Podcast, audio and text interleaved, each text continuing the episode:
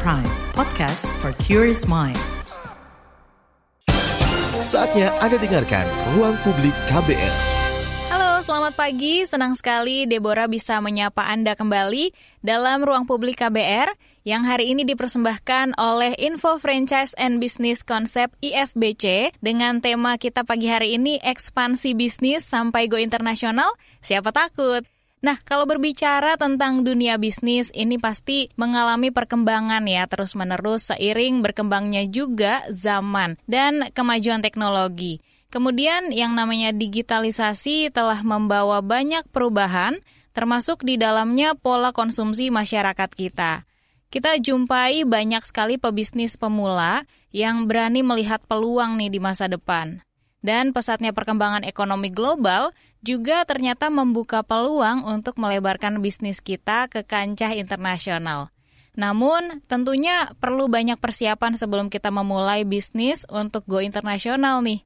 Apa saja sih yang kita perlu perhatikan, kita perlu ketahui, dipersiapkan untuk bisnis go internasional ini? Dan bagaimana agar bisnis kita bisa terus maju serta bertahan?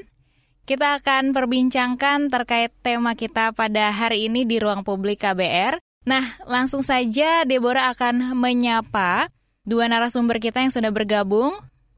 Yang pertama ada Pak Freddy Ferdianto selaku Head of Public Relation dari PT Neo Expo Promosindo. Halo Pak Freddy, apa kabar? Ya, halo, kabar baik Mbak Deborah. Kabar baik ya Pak Freddy ya, salam sehat untuk kita semua. Dan juga selanjutnya saya mau menyapa ada Pak Alex Rudianto, ini selaku Investment Manager Widring. Halo Pak Alex, apa kabar? Halo, halo, selamat pagi, selamat pagi. Iya, selamat Baik. pagi. Salam sehat ya, Pak Alex. Iya, salam sehat.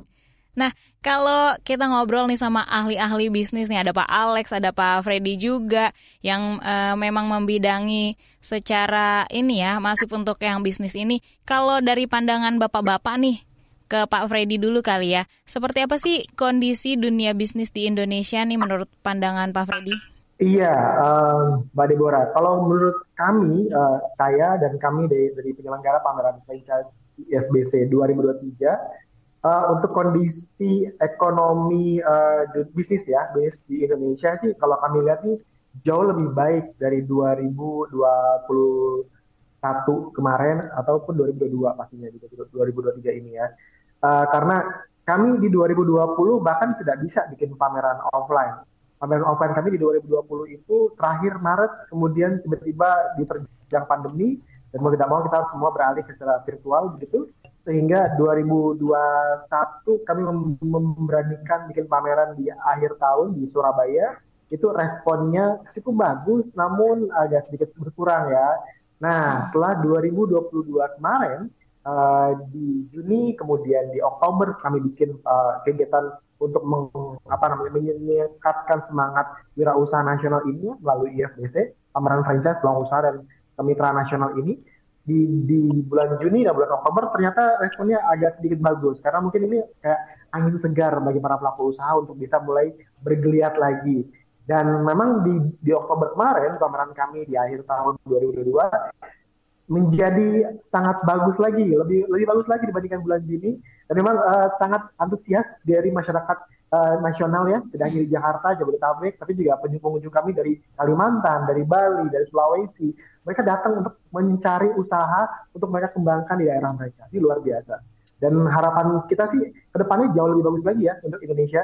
Iya, amin. Ini sih harapan kita bersama ya, ya supaya semakin banyak uh, eh, UMKM juga bisa lebih maju bahkan go internasional gitu ya. Dan uh, kalau dari Pak Alex nih melihat uh, digitalisasi, tentu kan kita sudah akrab ya sama digitalisasi zaman sekarang. Seperti apa nih Pak ya. Alex melihat potensi untuk dunia bisnis dengan adanya digitalisasi ini, Pak Alex?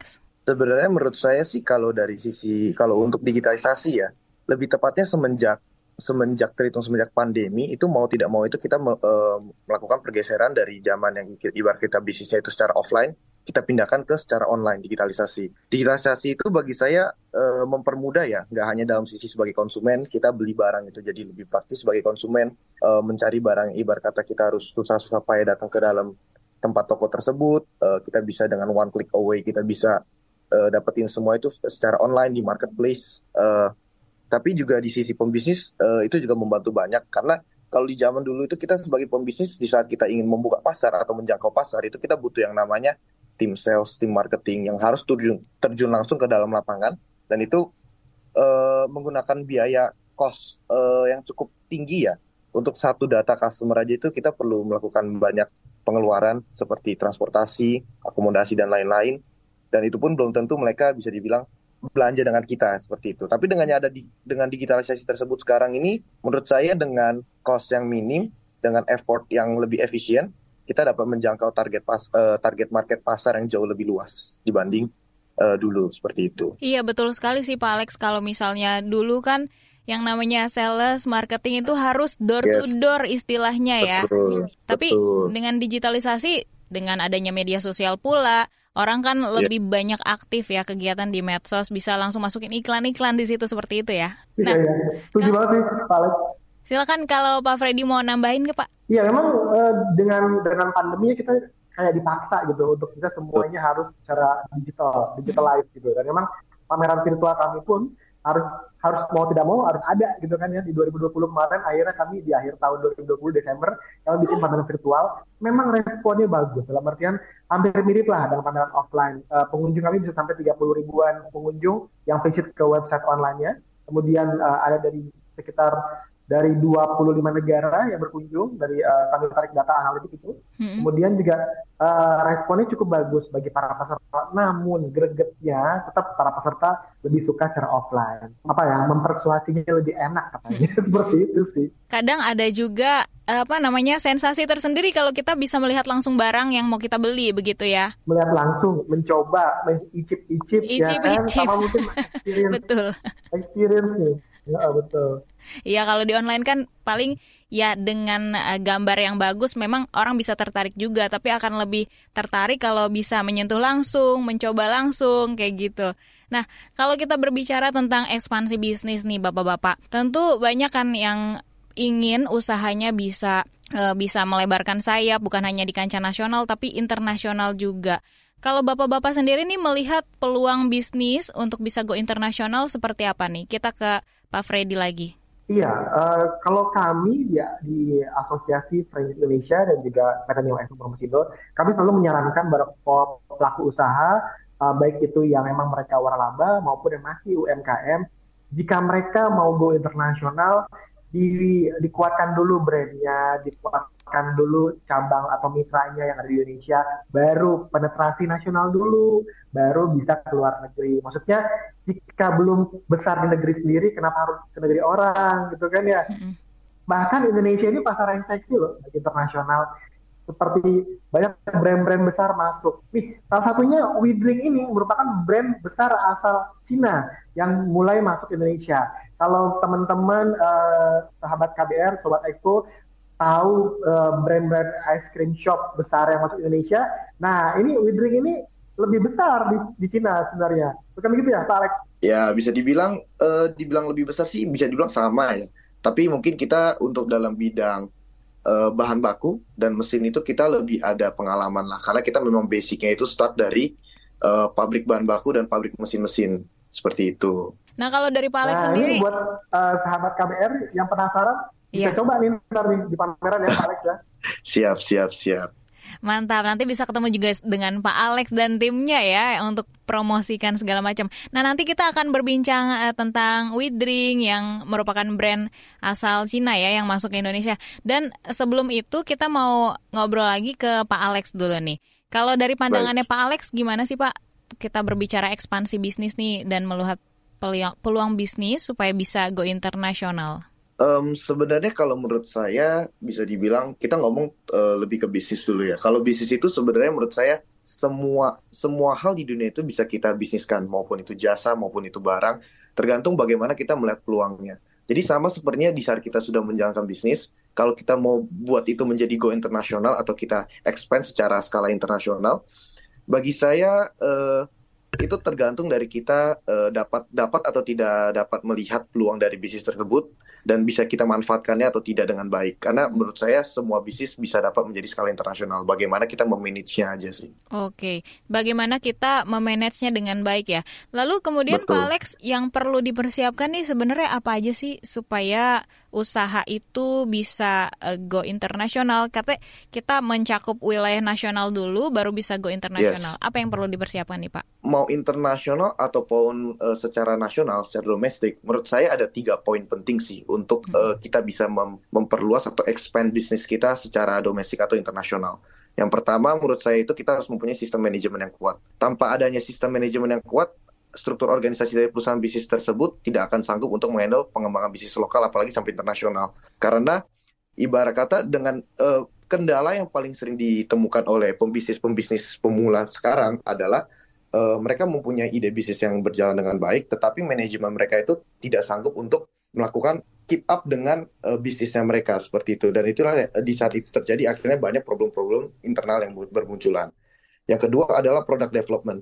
Semua bisnis di bidangnya apa pun tersebut pasti mempunyai saingannya masing-masing. Jadi kalau misalkan kita tidak ada uh, pengembangan uh, untuk sega, uh, dalam bidang product development, pasti kita akan kalah bersaing dengan brand-brand lainnya. Misalkan uh, ada salah satu handphone, uh, brand handphone yang cukup besar zaman dulu tapi karena dia tidak mau mengikuti perkembangan zaman dalam dalam sisi product development, mengganti softwarenya ke software yang terbaru, akhirnya mereka jadi kalah gitu loh. Mereka jadi dikalahkan dengan brand-brand uh, handphone yang uh, bermunculan di zaman sekarang seperti itu. Jadi product development adalah uh, menurut saya itu sangat penting di bidang untuk dapat bersaing dengan kompetitor-kompetitor kita. Dan yang terakhir adalah kita harus mempunyai data research atas consumer behavior dari target pasar kita. Karena tanpa adanya data tersebut, kita tidak akan tahu bahwa di daerah maupun di negara lain mereka itu mempunyai kebiasaan konsumen yang berbeda-beda apakah dari cara mereka membeli barang, cara mereka melihat uh, harga pasarnya seperti apa, daya beli mereka itu konsumtif atau tidak,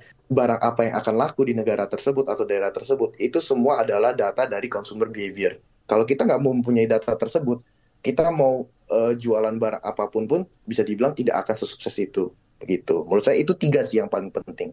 Oke, tadi tiga poin ya kalau menurut Pak Alex supaya bisnis yes. itu bisa berkembang dan bisa sampai go internasional itu yang pertama sistem manajemennya kuat. Yes. Kita harus juga melakukan product development supaya tidak kalah skala gitu ya, ya, skala bersaing yeah. sama brand-brand lain. Dan kemudian data research ini juga penting ya untuk mengetahui yes. perilaku konsumen yang akan membeli produk kita. Nah, menurut Pak Freddy nih, kita memanfaatkan uh, produk supaya cocok untuk masuk ke pasar nasional maupun global atau internasional nih seperti apa? Kita bisa menentukan produknya. Ya, ini sebenarnya baik lagi yang tadi Pak Alex bilang itu benar banget. Uh, di research dulu kan konsum konsumennya, di research dulu pasarnya seperti apa. Apakah produknya yang cocok untuk market yang kita mau masukin sangat ya, ya kan? Kemudian pastinya ya produk development itu Maksudnya produk kita ini nih, kalau kita masuk ke negara ini atau ke daerah ini, produk kita cocok nggak ya? Atau mungkin ada nggak ya yang bisa kita adaptasi dengan budaya mereka? Contoh salah satu brand burger pasar internasional, mereka nggak cuma jual burger di Indonesia, jual nasi juga ya. Iya, menyesuaikan di Indonesia gitu. doyan nasi ya. Jadi memang kita harus harus mengadaptasi. Iya betul. Betul orang Indonesia kalau nggak makan nasi nggak nggak belum makan dia. kalau burger itu cuma gitu, cemilan doang uh, ya pak ya. Iya, saya punya teman di kantor hampir semua seperti itu. mm. kalau belum ketemu nasi makan katanya. Produknya juga harus di up, update, di upgrade, disesuaikan sama market yang mau dituju pastinya ya. Yeah. Kemudian barulah uh, di, di, dikurasi lah produknya. Ini layak nggak nih masuk ke daerah itu? Mm-hmm. Uh, apalagi kalau misalnya mau kayak uh, ekspor, import, ekspor lah ya, ekspor pasti ini berhubungan sama kendala di negara itu kan. Kayak kita kalau mau ekspor barang ke Jepang nggak bisa sembarangan karena Jepang merupakan parameter orang uh, mengekspor barang ya, parameter pangsa internasional. Kalau bisa masuk masuk pangsa pasar Jepang, pasti bisa masuk pangsa pasar internasional lainnya. Pak Alex dan Pak Freddy ditahan dulu karena kita akan jeda sebentar. Masih Anda dengarkan Ruang Publik KBR. Commercial break. Commercial break. Anda sering gelisah? Tidak bisa tidur nyenyak, selalu merasa ada yang merasuki pikiran Anda. Ini bukan iklan horor atau cerita seram. Tapi kalau Anda mengalami hal seperti itu, Anda pasti ketinggalan berita terupdate yang lagi ramai diperbincangkan. Gak mau kan dibilang ketinggalan berita?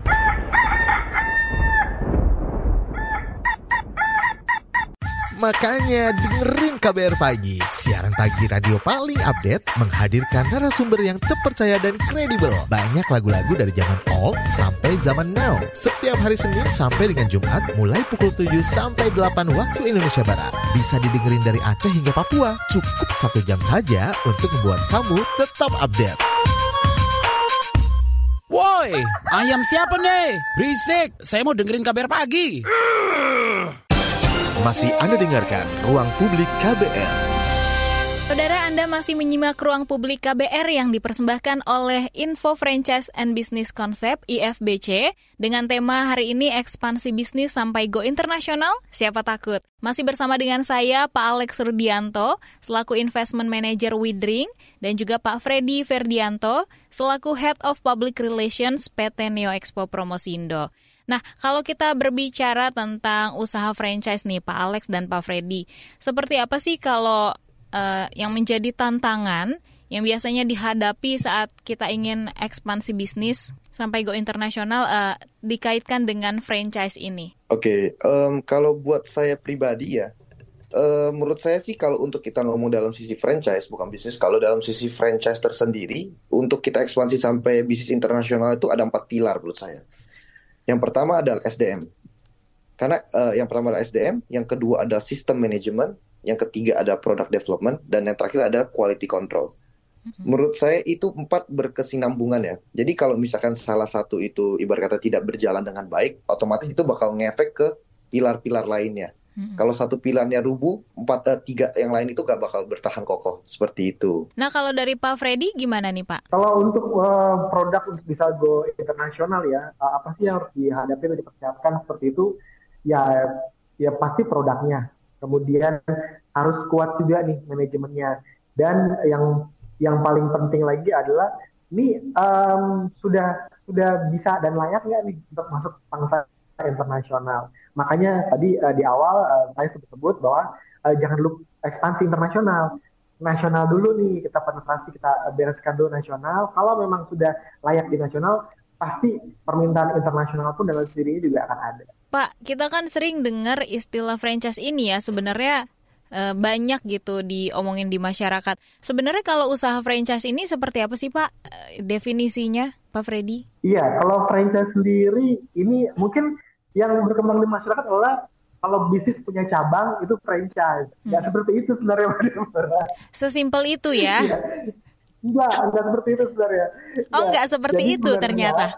Enggak, enggak okay. seperti itu. Jadi franchise itu adalah uh, duplikasi usaha yang sudah terbukti menguntungkan, ya, sudah terbukti menguntungkan terlepas uh, ini terkait dengan perihal legalitas juga. Mm-hmm. Jadi um, kalau di Kementerian Perdagangan sendiri ya, Kementerian Perdagangan Republik Indonesia, uh, mereka ada sejumlah kriteria untuk bisnis bisa dibilang waralaba. Ada ada mereka sebutkan ada lima, namun sebenarnya kalau menurut asosiasi franchise layaknya itu delapan.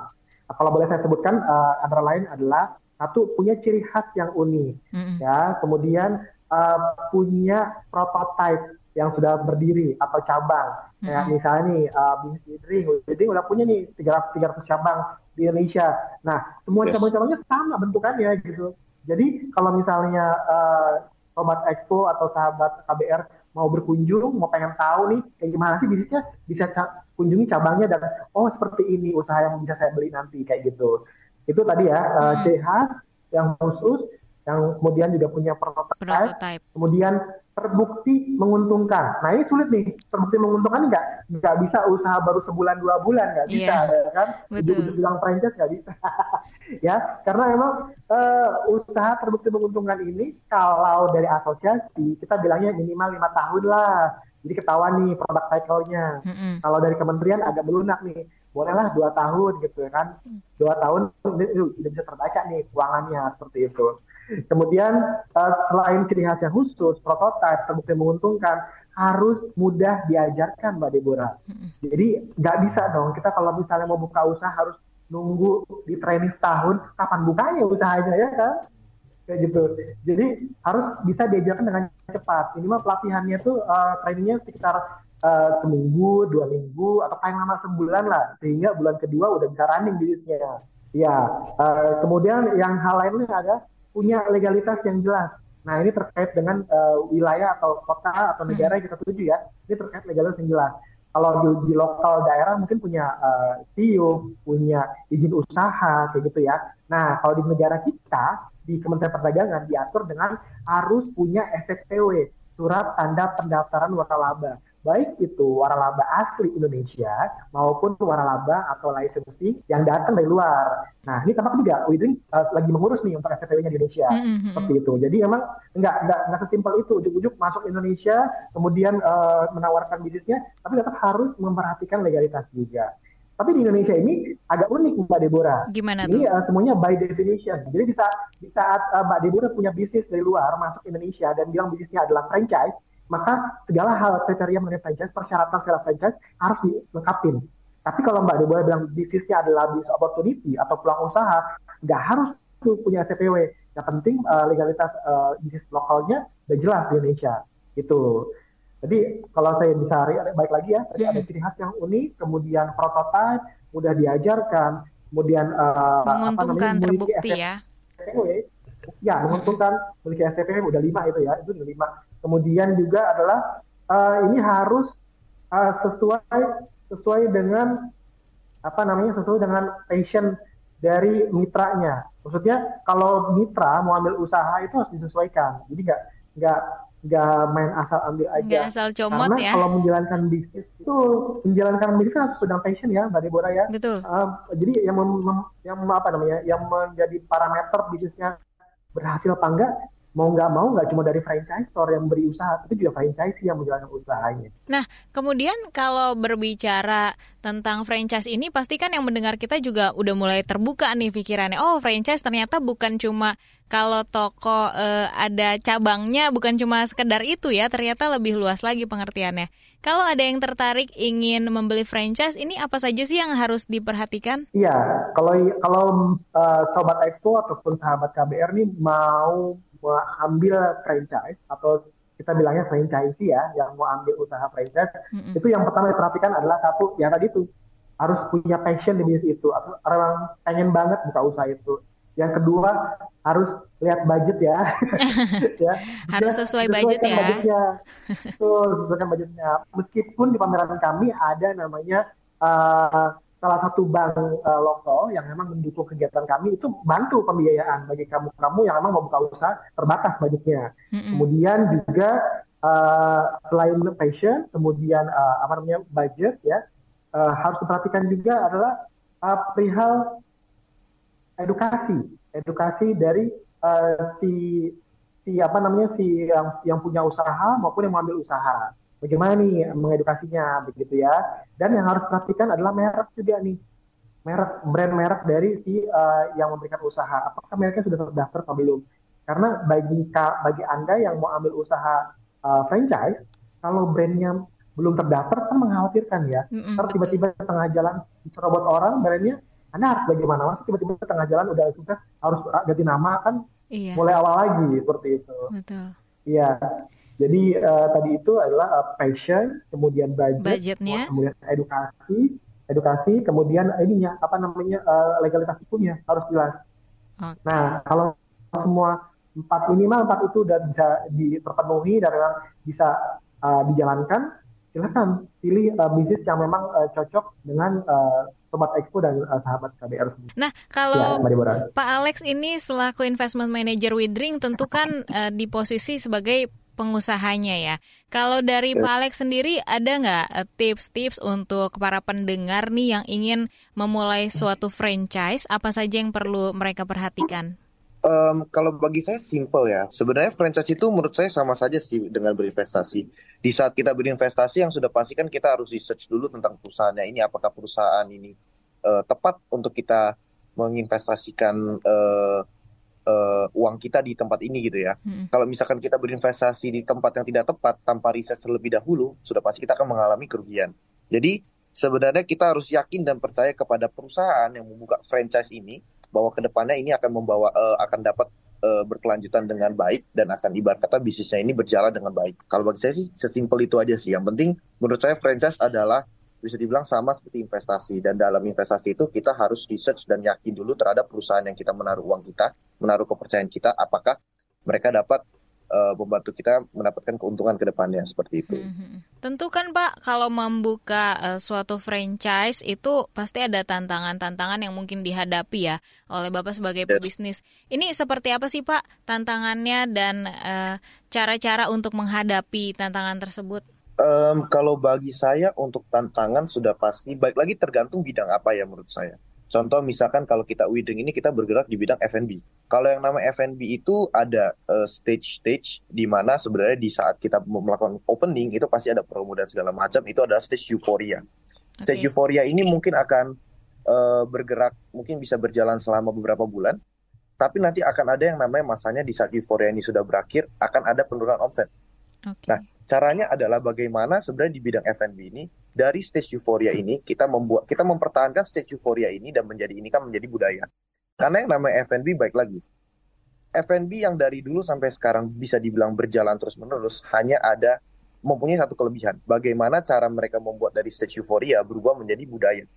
Contoh misalkan hal paling gampang aja kita ngomong uh, ayam geprek. Hmm. Siapa sekarang nggak tahu ayam geprek? Ayam geprek mungkin baru muncul dan baru trending itu mungkin sekitar uh, semenjak COVID kali ya 2019-2020 begitu. Hmm. Gimana caranya dari ayam geprek ini ibarat kata sebuah menu baru, sebuah menu baru, orang kayak semua pada beli, semua pada makan.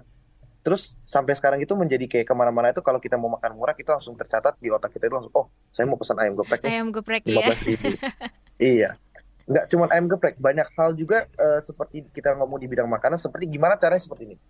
Kalau misalkan kita nggak beli barang ini, kalau hari ini kita nggak makan atau meminum barang ini, kayak ada yang kurang. Sama aja seperti yang tadi uh, seperti disebutkan, sama seperti nasi. Kalau misalkan kita nggak makan nasi, kayaknya ada yang kurang, kayak cuma nyemil atau nggak kenyang. Nah, di bidang F&B, gimana kita cara membudayakan makanan kita atau menu yang kita ciptakan menjadi budaya, uh, seakan di saat orang tidak membeli atau memakan uh, makanan atau minuman tersebut, pasti ada yang kurang gitu loh. Hmm. Nah, itu itu adalah tantangan yang uh, harus kita lewati tapi kalau misalkan kita ngomong itu sebagai business owner F&B, tapi kalau misalkan sebagai business owner yang kita sebut dalam bidang franchise, mm-hmm. itu adalah tugas dari perusahaan kita. Perusahaan tersebut yang kita investasikan. Mm-hmm. Jadi yang kayak tadi saya bilang, mengapa kita harus research dulu, apakah perusahaan ini dapat, uh, kalau kita bilang di bidang F&B, apakah perusahaan ini dapat membuat stage euphoria ini menjadi stage budaya seperti itu. Ah, kita dapat uh, pengetahuan baru nih dari Pak Alex kalau misalnya untuk uh, suatu usaha baru dibuka itu ada stage yang namanya euforia tadi ya yang berlangsung biasanya beberapa bulan. Tapi agar yeah. itu bisa tetap bertahan euforianya ini kita tingkatkan lagi menjadi suatu budaya gitu ya yes, di masyarakat. Betul. Oke, baik terima kasih Pak Alex untuk penjelasannya. Pak Alex dan Pak Freddy kita harus jeda terlebih dahulu. Masih Anda dengarkan Ruang Publik KBR. Yuk follow social media KBR. Twitter at Berita KBR, Instagram at KBR.id, Youtube Berita KBR. Masih Anda dengarkan Ruang Publik KBR. Masih Anda dengarkan Ruang Publik KBR yang dipersembahkan oleh Info Franchise and Business Concept IFBC dan tema kita hari ini ekspansi bisnis sampai go internasional, siapa takut? Nah, kita mau ngobrol sama Pak Freddy nih tentang event yang mau dilaksanakan atau sudah dilaksanakan ya. Ini namanya Info Franchise and Business Concept atau EFBC. Bisa dijelaskan Pak Freddy tentang eh, acara ini Expo 2023 ini? Iya, jadi uh, sebenarnya apa sih pameran IFBC 2023 ini? Itu ya mungkin yang Mbak Dewa tepatnya ya. Iya, betul jadi, Pak. pameran uh, itu jadi pameran IFBC atau Info Franchise and Business Concept ini adalah pameran uh, franchise, laba, kemudian peluang usaha, investasi, kemitraan, keagenan, dan distributor nasional terkini. Kenapa terkini? Karena hampir uh, sebagian besar brand-brand yang baru ada di Indonesia ini suka bergabung nih di kegiatan kami, Mbak Deborah. Okay. Ya, pameran yang hadir sejak tahun 2006 lalu ini, uh, kami sudah hadir juga di 18 kota besar di Indonesia, termasuk Lampung, uh, kemudian Pontianak, kita udah pernah juga, Manado juga udah pernah, mm -hmm. dan tahun ini kita hadir di lima kota, Jakarta, Bandung, Palembang, Surabaya, dan akan kembali ke Jakarta. Bahkan ada akan ada kota tambahan di Banjar. Oh oke, okay. ada tambahan nah, ya. untuk yang pertama ini adalah di Jakarta pada Jumat, Sabtu, Minggu, pekan tanggal 10, 11, 12 Maret 2023. Kami buka dari jam 10 pagi hingga jam 8 malam. Kemudian akan ada sekitar 170-an brand yang akan menawarkan peluang usahanya, baik itu nasional maupun internasional, uh, seperti dari uh, Cina, kemudian dari uh, Malaysia, dari Singapura, um, dan Thailand juga. Mereka akan hadir untuk menawarkan bisnisnya atau peluang usahanya untuk bisa bermitra dengan uh, Sobat Expo yang berkunjung ke pameran IFBC 2023. Ya, uh, kalau bertanya mungkin kapan dan di mana sih lokasinya? Ya, untuk IFBC mengawali kegiatan di tahun ini di bulan Maret ini ya, tanggal 10 hingga 12 Maret ini, kami menyelenggarakan kegiatannya di ICE BSD, Indonesia Convention Exhibition BSD, Bumi Serpong Damai, ya, kami ada di Hall 1. Jadi kalau Sobat Expo berkunjung pamer, mau berkunjung ke ICE, itu pasti ketemu duluan tuh. Itunya apa namanya hall yang hall satu. Hallnya ya. Gedung pertama. Langsung ya, ya masuk-masuk langsung ketemu. Langsung Iya, bahkan dari perempatan uh, eh, BSD pun, perempatan ASBSD pun udah diarahin tuh, ada banyak umbul-umbul kok, aman kok. Oke, okay, jadi nggak nggak bakal tersesat ya kalau untuk mau menuju ke Expo 2023 ini ya? Harusnya sih nggak tersesat ya, Mbak Tenang, sudah ada Maps ya zaman sekarang. Sangat mudah banget. Pakai Google Maps. arahkan juga, ya harusnya mm -hmm memudahkan. Kemudian mungkin uh, bertanya juga ya, ini tadi uh, ada sekitar 170-an band yang hadir, baik nasional maupun internasional. Kemudian uh, ini kategorinya apa aja sih Pak Freddy bisnisnya gitu ya? Ya, untuk kategori bisnis sih yang jelas uh, kuliner masih menjuarai. Ada di sekitar uh, 50% sampai 60% ini kuliner. Kuliner uh, juara ya Pak ya? menjanjikan bagi Iya, masih masih sangat menjanjikan sih bagi para investor pastinya. Betul. Dari kuliner kita masuk ke bisnis lain tuh ada retail. Retail yang selalu juga dicari-cari orang ya, mm-hmm. meskipun investasinya cukup lumayan gitu, tapi tetap aja ada yang cari. Kemudian ada juga bisnis wellness. Wellness ini kayak perawatan kesehatan, kecantikan, perawatan diri. Mm-hmm. Ini juga banyak yang uh, mencari dan ini hadir di pameran kami. Lalu uh, bisnis pendidikan. Bisnis pendidikan ini uh, apa namanya ya? Tidak pernah turun, selalu naik terus. Dan juga uh, selain sobat ekspor pengunjung, selain mereka yang mau buka usaha, pasti mereka ada juga yang udah punya usaha dong, ya. Yeah. Nah, ini kita mengakomodir menjadi one stop service entrepreneurship buat sobat ekspor semuanya. Mm-hmm. Jadi bagi anda yang sudah punya bisnis dan masih bingung, tenang. Bagi bagi anda yang mau mengembangkan bisnisnya, ada salah satu platform yang merupakan sponsor kami ya uh, Indosat uh, Bisnis yang akan membantu uh, berkembangnya bisnis sobat ekspor semuanya. Lalu masalah keuangan akan ada juga bank daerah yang membantu yang udah menjadi nasional yang akan membantu finansial dari para peserta dan juga para pengunjung.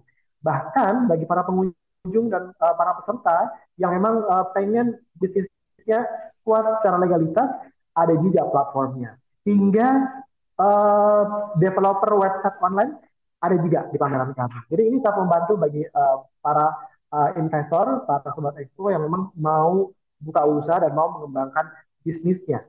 Ya, kalau kita berbicara tentang tujuannya diadakan kegiatan IFBC 2023 ini yang akan diselenggarakan di ISBSD, seperti apa nih Pak? Ya, jadi uh, pameran yang akan berlangsung tiga hari yang di pekan ini ya, masa Sabtu Minggu ini, uh, ini merupakan uh, pameran yang menyuguhkan tidak hanya uh, peluang usaha, tapi juga kami menghadirkan edukasi di panggung acara. Selama tiga hari pameran, nanti uh, para pengunjung disuguhkan oleh berbagai macam insight, baik itu dari insight bisnis, insight branding, kemudian bagaimana mengembangkan bisnis UKM-nya untuk bisa menjadi waralaba, uh, kemudian pengunjung kasih tips-tips bagaimana memilih bisnis franchise yang menguntungkan, ya kan, bagaimana untuk memilih antara bisnis waralaba atau peluang usaha bedanya apa sih kita akan bahas juga nanti secara lengkap di panggung acara selama tiga hari itu bahkan kita juga akan kita juga ada uh, final pengumuman dan juga pemilihan uh, pemenang dari IFBC Next Gen Entrepreneurs Competition dan Award Jadi kita punya program uh, proposal bisnis mahasiswa.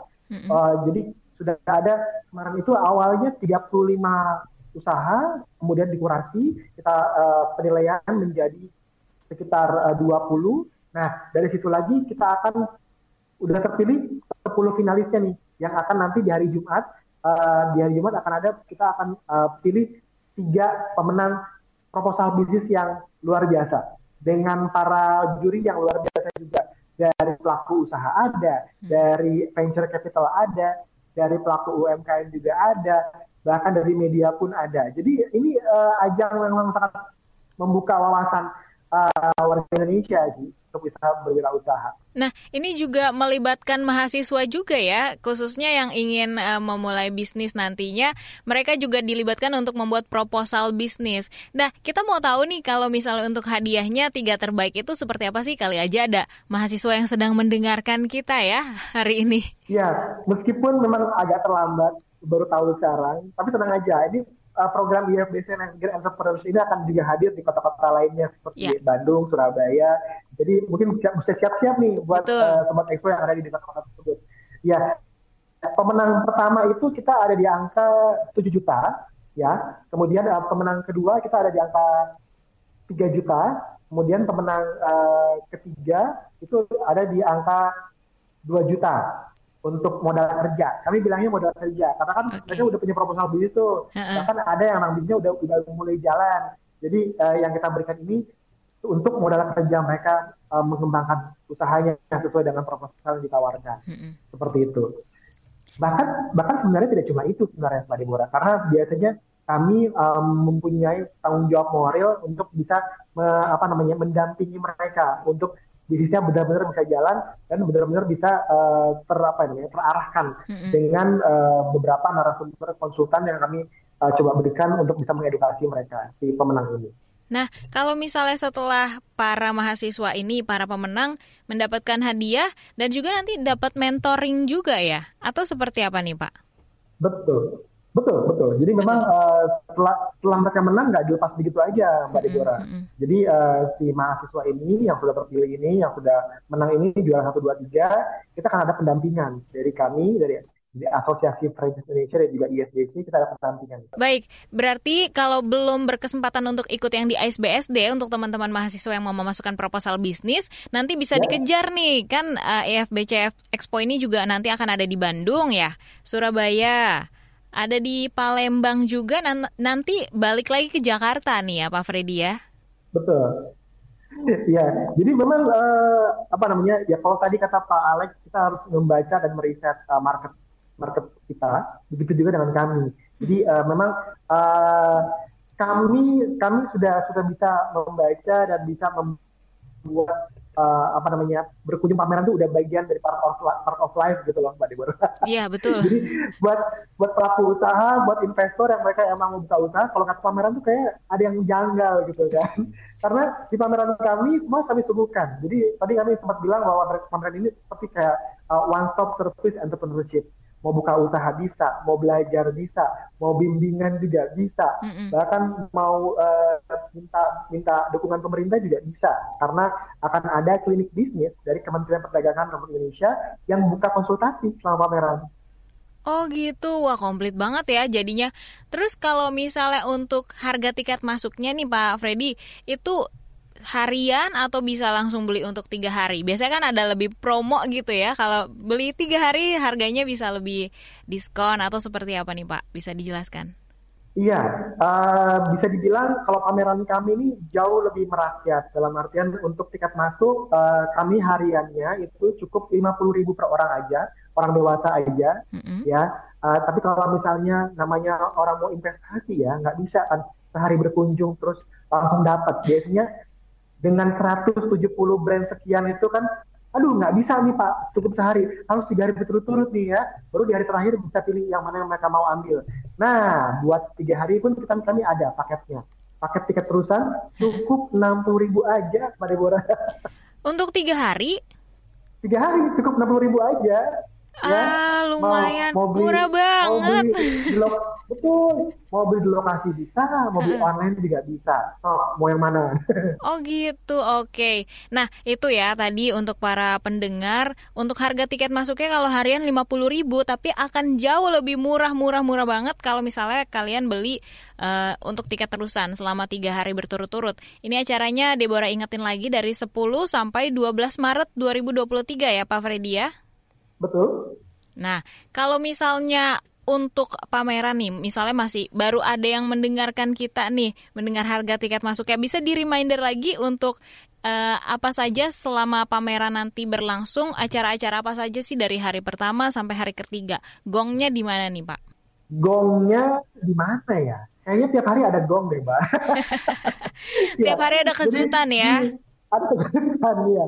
Di hari pertama kami ada opening ceremony, kami ada ada pemberian penghargaan penghargaan akademisi waralaba Indonesia. Ini uh, penghargaan dari asosiasi franchise untuk para, para akademisi yang mereka berkontribusi di bisnis waralaba. Kemudian kami akan memilih uh, memberikan apresiasi kepada tujuh womanpreneur Indonesia yang bergerak baik itu di waralaba maupun pelaku usaha. Nah ini dalam rangka kami memperingati uh, World Women's Day, okay. jadi kami memberikan uh, penghargaan untuk wanita-wanita luar biasa. Kita kami bilangnya Sri Kandi Wirausaha. Sri Kandi Wirausaha, baik. Nah, ya selain itu juga di hari pertama itu tadi saya sempat mention kita akan ada final dari IFBC Navigation Competition and Awards. Lalu ada kurasi produk UKM dari sahabat UMKM yang akan juga dipandu oleh ANC Japan. Jadi ANC Japan itu mereka mengkoneksikan pelaku bisnis Indonesia dan Jepang. Lalu juga di hari pertama ini nanti akan ada juga uh, program um, mengembangkan bisnis ke Malaysia Selangor.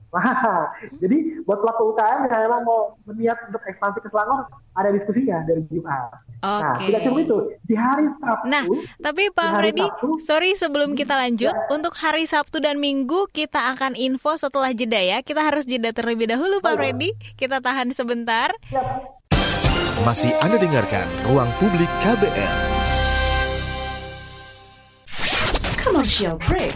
Commercial break. Oke Google, cariin apa yang lagi trending sekarang dong. Yang lagi viral, yang lagi hits. Aduh, kamu ini tahunya cuma nyur doang. Lah, dia nolak. Aku bilangin Siri nih. Ya sudah-sudah jangan ngambek dong. Kamu cukup buka KBR Prime titik ide, lalu cari what's trending. Semua dibahas tuntas dengan narasumber yang kredibel, jadi bisa buat referensi kamu. Wah iya nih, keren banget ya. Setiap hari lagi. Betul, dari Senin sampai Jumat. Jangan lupa hanya di KBR Prime titik ide atau di aplikasi podcast lainnya. Makasih ya Mbah Google. Hei kamu ini, saya masih gadis. Kenapa dipanggil Mbah? KBR Prime, podcast for curious mind. Masih Anda dengarkan Ruang Publik KBR. Inilah bagian akhir ruang publik KBR yang dipersembahkan oleh Info Franchise and Business Concept IFBC dengan tema hari ini ekspansi bisnis sampai go internasional, siapa takut? Masih bersama-sama dengan saya, ini Pak Alex Rudianto, selaku Investment Manager Widring, dan juga Pak Freddy Ferdianto, selaku Head of Public Relations PT Neo Expo Promosindo. Nah, sebelum jeda tadi, kita masih ngobrol dengan Pak Freddy ya, terkait kegiatan-kegiatan Expo 2023 ini di tanggal 11 dan 12 Maretnya. Silakan Pak. Iya, melanjutkan nih Mariora. Iya. Untuk di hari Sabtu dan Minggu ya. Di hari Sabtu kita uh, akan ada kegiatan yang juga seru-seru. Karena selama tiga hari itu ya pengunjung disuguhkan juga sama kegiatan ada edukasi bagaimana sih serunya berbisnis barang import ya ada di panggung acara nanti.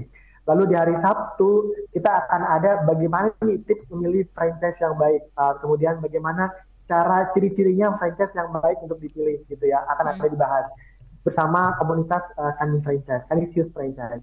Kemudian di hari Sabtu juga kita akan ada uh, kegiatan dengan uh, pelaku pelaku usaha dan komunitas uh, dari uh, sahabat UMKM juga uh, dari edukasi legalitas. Jadi uh, mau bisnisnya uh, untuk uh, upgrade Nah, nanti bisa uh, diskusi legalitasnya apa aja nih yang harus dipersiapkan seperti hmm. itu.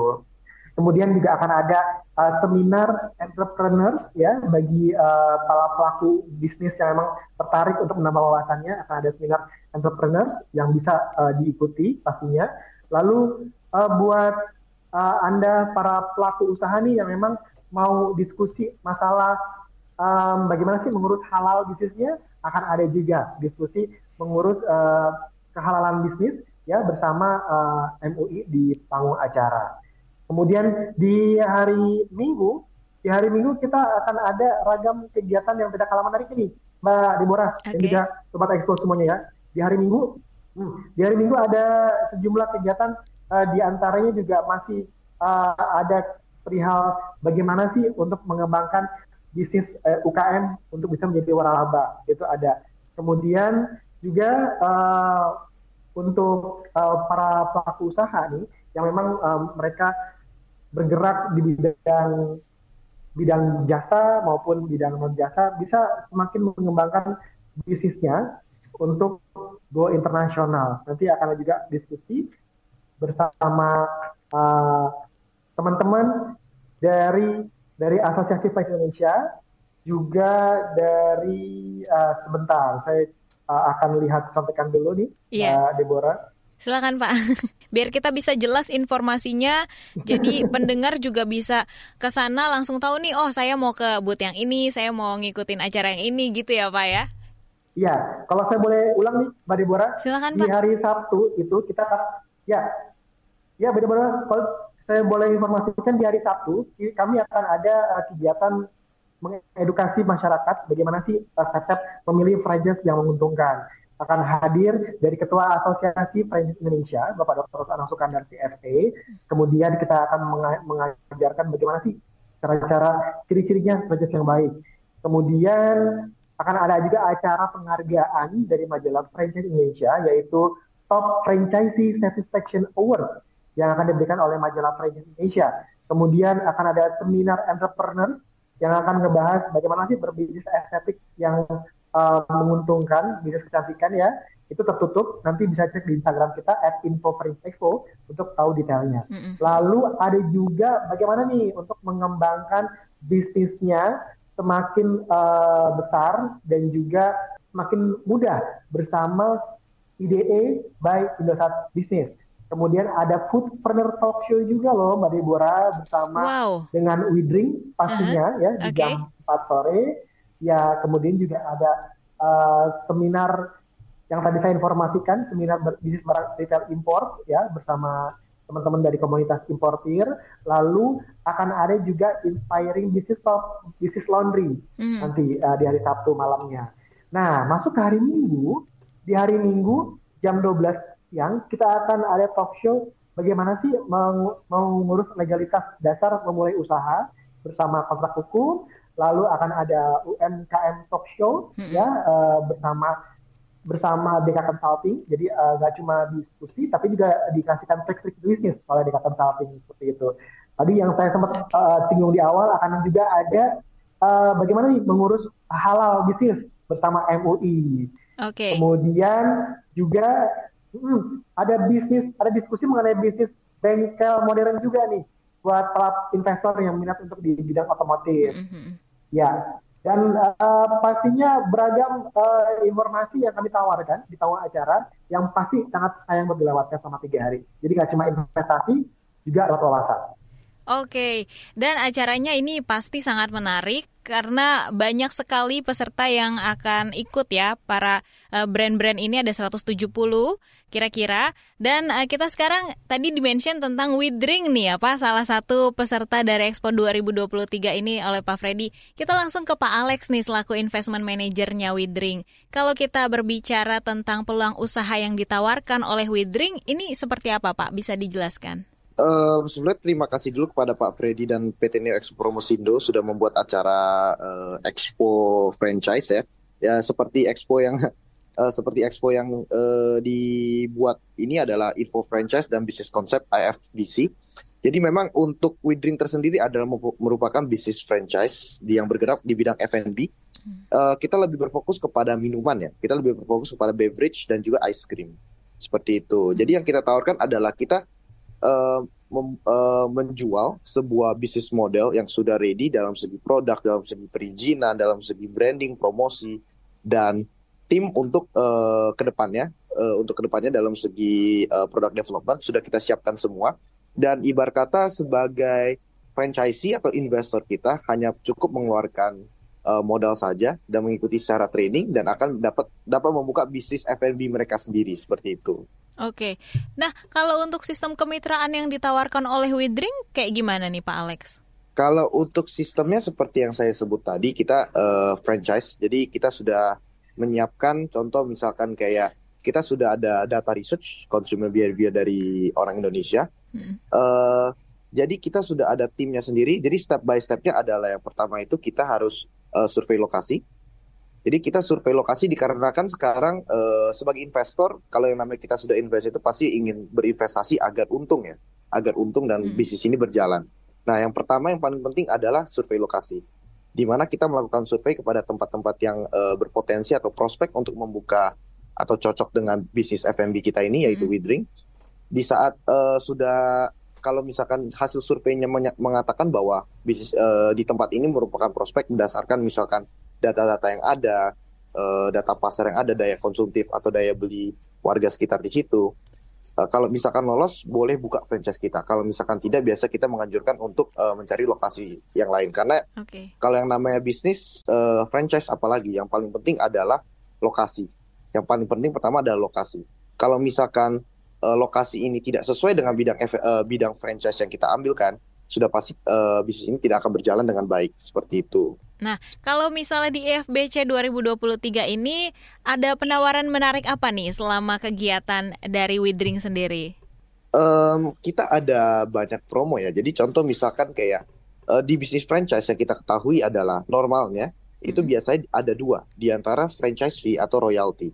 Kalau royalty itu normalnya itu biasa uh, karena ibarat kata kita sudah uh, sebagai franchisee atau investor telah memakai brand kita, secara langsung kita harus membayarkan royalti kepada perusahaan ibarat kata kita beli izin license untuk memakai uh, hak merek atau hak lisensi berjualan dengan merek mereka seperti itu. Hmm. Nah, kalau royalti itu hitungannya biasa normalnya itu dari omset.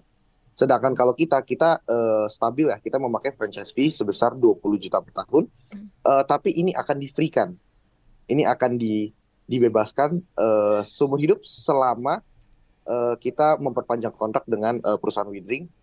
Uh, uh, biaya franchise ini akan dibebaskan seperti itu. Dan juga sudah pasti ada beberapa uh, game seperti door prize dan uh, door prize kita ada dari angka 20 mencapai angka 120 juta.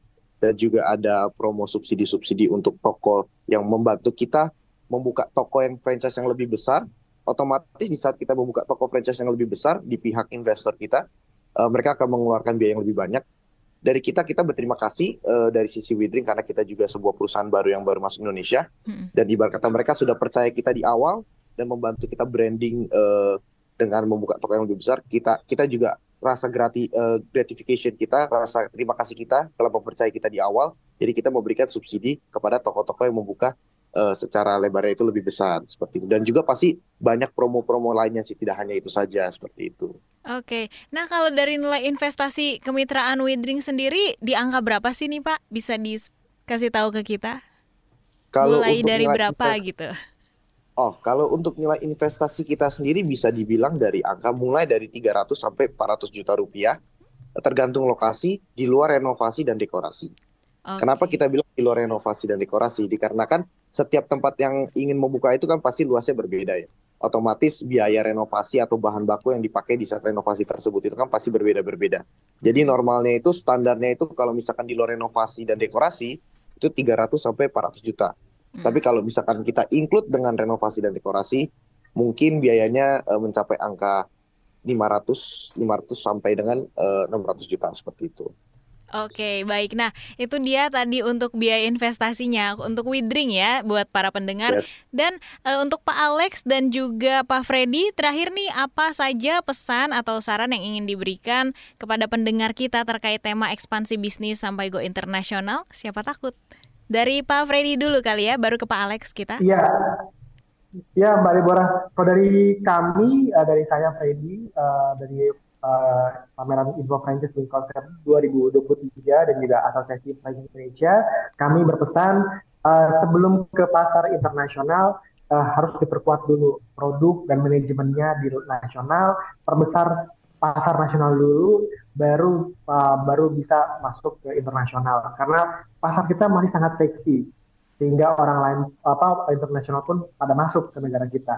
Seperti itu sih Mbak Deborah. Dan pastinya di pameran Info Franchise di konsep 2023 yang Jakarta ini di ISBSD uh, di 170 lebih brand dan pasti semua orang bisa jadi pengusaha.